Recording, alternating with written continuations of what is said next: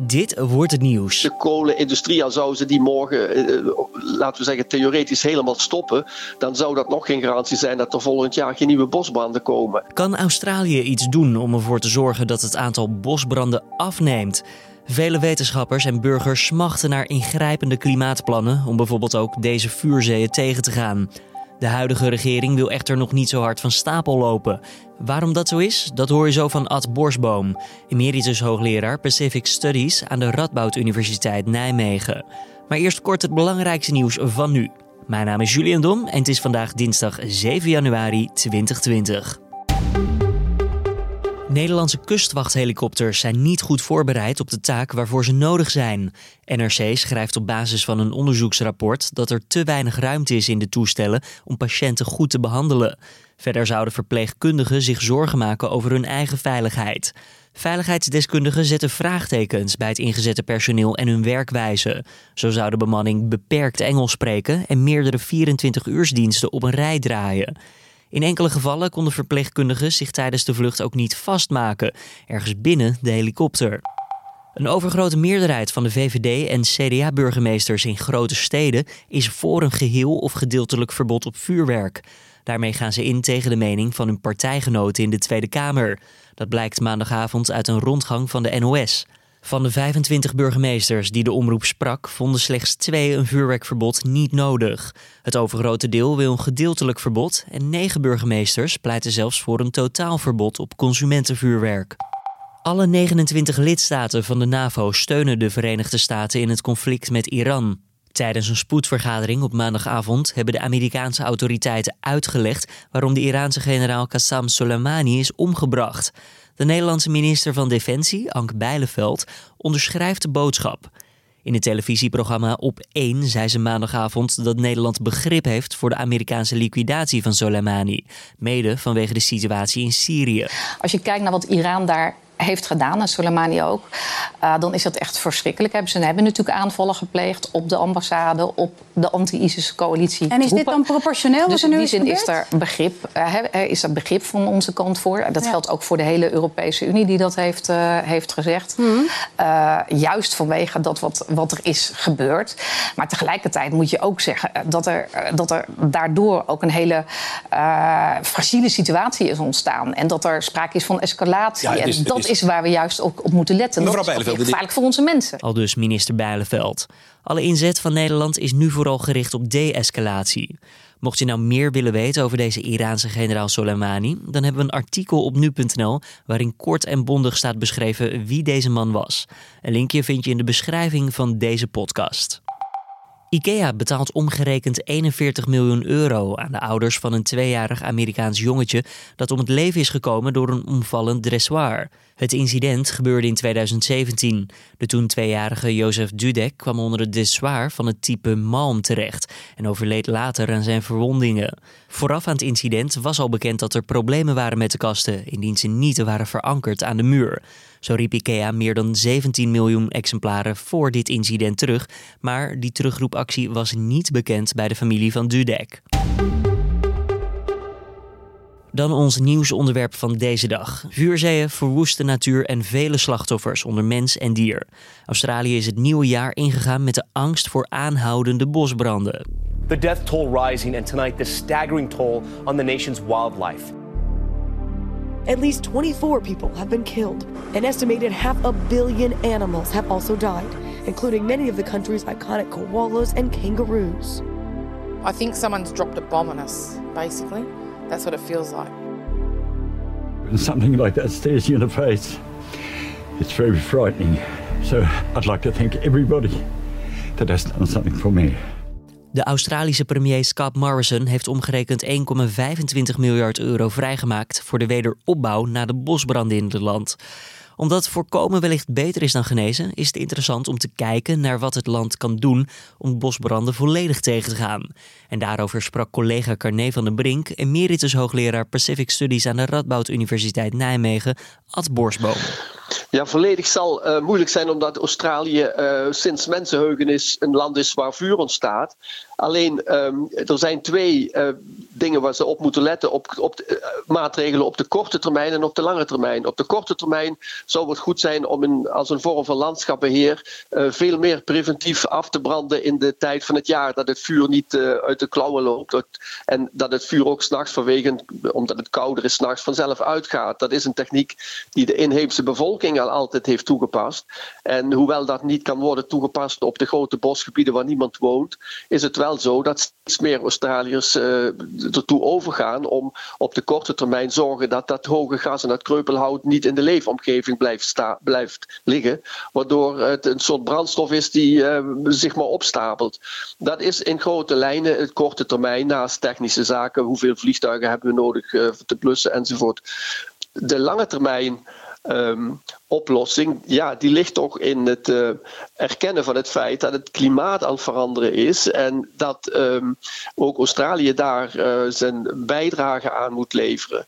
Um, want vroeger waren er in Australië branden, die zijn er nu ook, maar die zijn nou massaal. Er was vroeger droogte, die is nou veel te lang. Er waren vroeger warme dagen, die zijn nou in één stuk door, want de temperatuurstatistieken in de laatste vijf, zes jaar, die, gaat, die schieten alleen maar naar omhoog. Uh, de, de, ene uh, record wordt na het andere gebroken. Dus er is zeker wel wat aan de hand met het klimaat. En dat is het soort lange termijn uh, visie waar Australië waarschijnlijk toch iets meer aandacht aan moet besteden dan op dit moment waar de premier zegt ja het is een van de, een van de redenen en ja. nadat hij aanvankelijk het helemaal niet erkende. Ja inderdaad, u, u zei het woord erkennen inderdaad, want dat is wel opmerkelijk aan deze situatie. De bosbranden worden door vele wetenschappers gelinkt aan de klimaatverandering. Alleen u zei het al, de premier van het land Scott Morrison is terughoudend met deze conclusie. Hij sluit het niet uit, maar hij hij linkt er ook andere dingen aan vast. Waarom precies? Hij, uh, hij beroept er zich op dat het in het verleden ook gebeurde, ik zei net, het is nou allemaal extremer. Het, uh, het, het extreme van vroeger is het nieuwe normaal. En daarom moet hij nu ook uh, ja, erkennen dat uh, het klimaatverandering een rol speelt. Um, alleen in de Australische politiek en de maatschappelijke discussie leidt dat al gauw ertoe dat mensen zeggen: um, we moeten af van de fossiele brandstoffen enzovoort. En daar zit Australië met het probleem dat ze heel veel fossiele brandstof ook voor de export hebben. Uh, het is een grote bron van inkomsten. Het is een grote werkgever, met name de kolenindustrie. En die heb je niet zomaar 1, 2, 3 vervangen. Dus waar Australië zegt zelf, de regering op de lange termijn voldoen we wel aan de klimaatdoelen van Parijs, uh, maar niet van de ene op de andere dag. Maar voor veel mensen gaat het te langzaam. Nu zie je wel dat de afzonderlijke staten, die ook wat in te brengen hebben, dat die in grote lijnen wat uh, voortvarender zijn. Uh, de kleinste staat van rond de stad Canberra, de hoofdstad, die wil dit jaar al helemaal uh, klimaatneutraal gaan met, met, met, met, met elektriciteit. De staat Zuid-Australië wil voor 2030 al meer dan 50% van de energie uit renewables, als ik het goed zeg, hernieuwbare energie halen. Mm. En uh, de, de, New South Wales zal naar deze bosbranden zeker, zeker volgen. Ja. Uh, het is alleen de vraag uh, in hoeverre, hoeveel wil de regering bewegen en wat kunnen ze doen zonder het verwijt te krijgen dat ze de economie naar de donder helpen. Ja, want het is een lastige wisselwerking op dit moment. Hè? Ja. Burgers en wetenschappers zeggen: kom op met actieve klimaatplannen en doelen ja. die je wil omzetten. Bijvoorbeeld stop met de kolenindustrie of verminder het echt aanzienlijk. Ja. Alleen dat is dus ook echt een goudmijn voor het land als het gaat om export. Dus het is een soort visuele cirkel waar je denk ik niet uit kan komen. Nee, kijk, eh, zolang de, met name Aziatische landen uh, zoals Korea, Japan, Vietnam, ook straks India, China, als het ware kolenslurpers zijn, is Australië bereid om die kolen te leveren. Dus het is een, het, werkt van twee kanten. Uh, Australië zal de export niet stoppen als die landen er dringend behoefte aan hebben en uh, ergens anders gaan kopen als Australië het niet zou leveren. Um, voor de interne markt is de, de kolen, de voorziening van, uh, van de kolenindustrie voor de opwekking van energie is langzaam terug aan het lopen. En ik denk dat Australië, wat betreft het eigen land, daar steeds meer moet inzetten, omdat ik niet zo optimistisch ben. Dat ik denk dat zolang Azië, Aziatische landen kolen nodig hebben, dat Australië dit niet zal leveren. Nee, maar dat is een economisch verhaal. Als het gaat om het, het, het klimaatverhaal, hoe schadelijk zijn op dit moment deze uh, kolencentrales, deze kolenindustrie voor het land? Voor het land zelf valt het in zoverre mee dat de problemen met de temperatuurstijging en klimaatverandering ook een, ja, een internationaal probleem is. Australië ligt tussen twee oceanen en als daar iets misgaat met de warmte van de temperatuur van het water, dan hebben ze daar meteen al last van. En uh, de kolenindustrie, al zouden ze die morgen, uh, laten we zeggen, theoretisch helemaal stoppen, dan zou dat nog geen garantie zijn dat er volgend jaar geen nieuwe bosbranden komen. Ik zie de oplossing wat betreft aan de klimaat klimaatdoelen voldoen. Om in elk geval voor de binnenlandse consumptie en binnenlands gebruik langzaam en wat sneller over te gaan op die, uh, op die hernieuwbare energie, zoals sommige van de staten ook doen.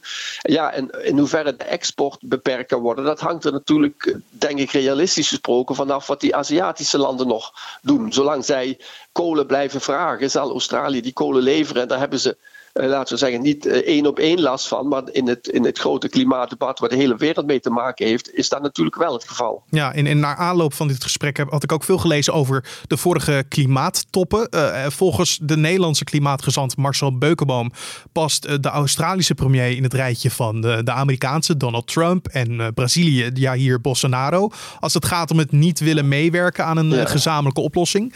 Nemen ze de touwtjes liever zelf in handen of komt het ergens anders door dat ze niet tegen willen meewerken aan de grote plannen?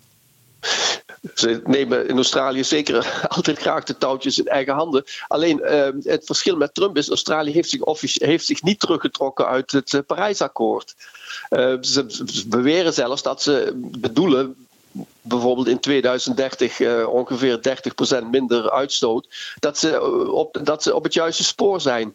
Dat kan ik niet beoordelen. Het kan ook zijn dat de regering dit soort cijfers uh, gebruikt om iedereen gerust te stellen. Maar ze zijn niet uit het Parijsakkoord nee. gestapt en, en, beweren, dat zegt ook de conservatieve premier, we zullen ons houden aan de afspraken van Parijs. Maar doet Australië dan in verhouding dan juist veel voor een beter klimaat of juist hartstikke weinig?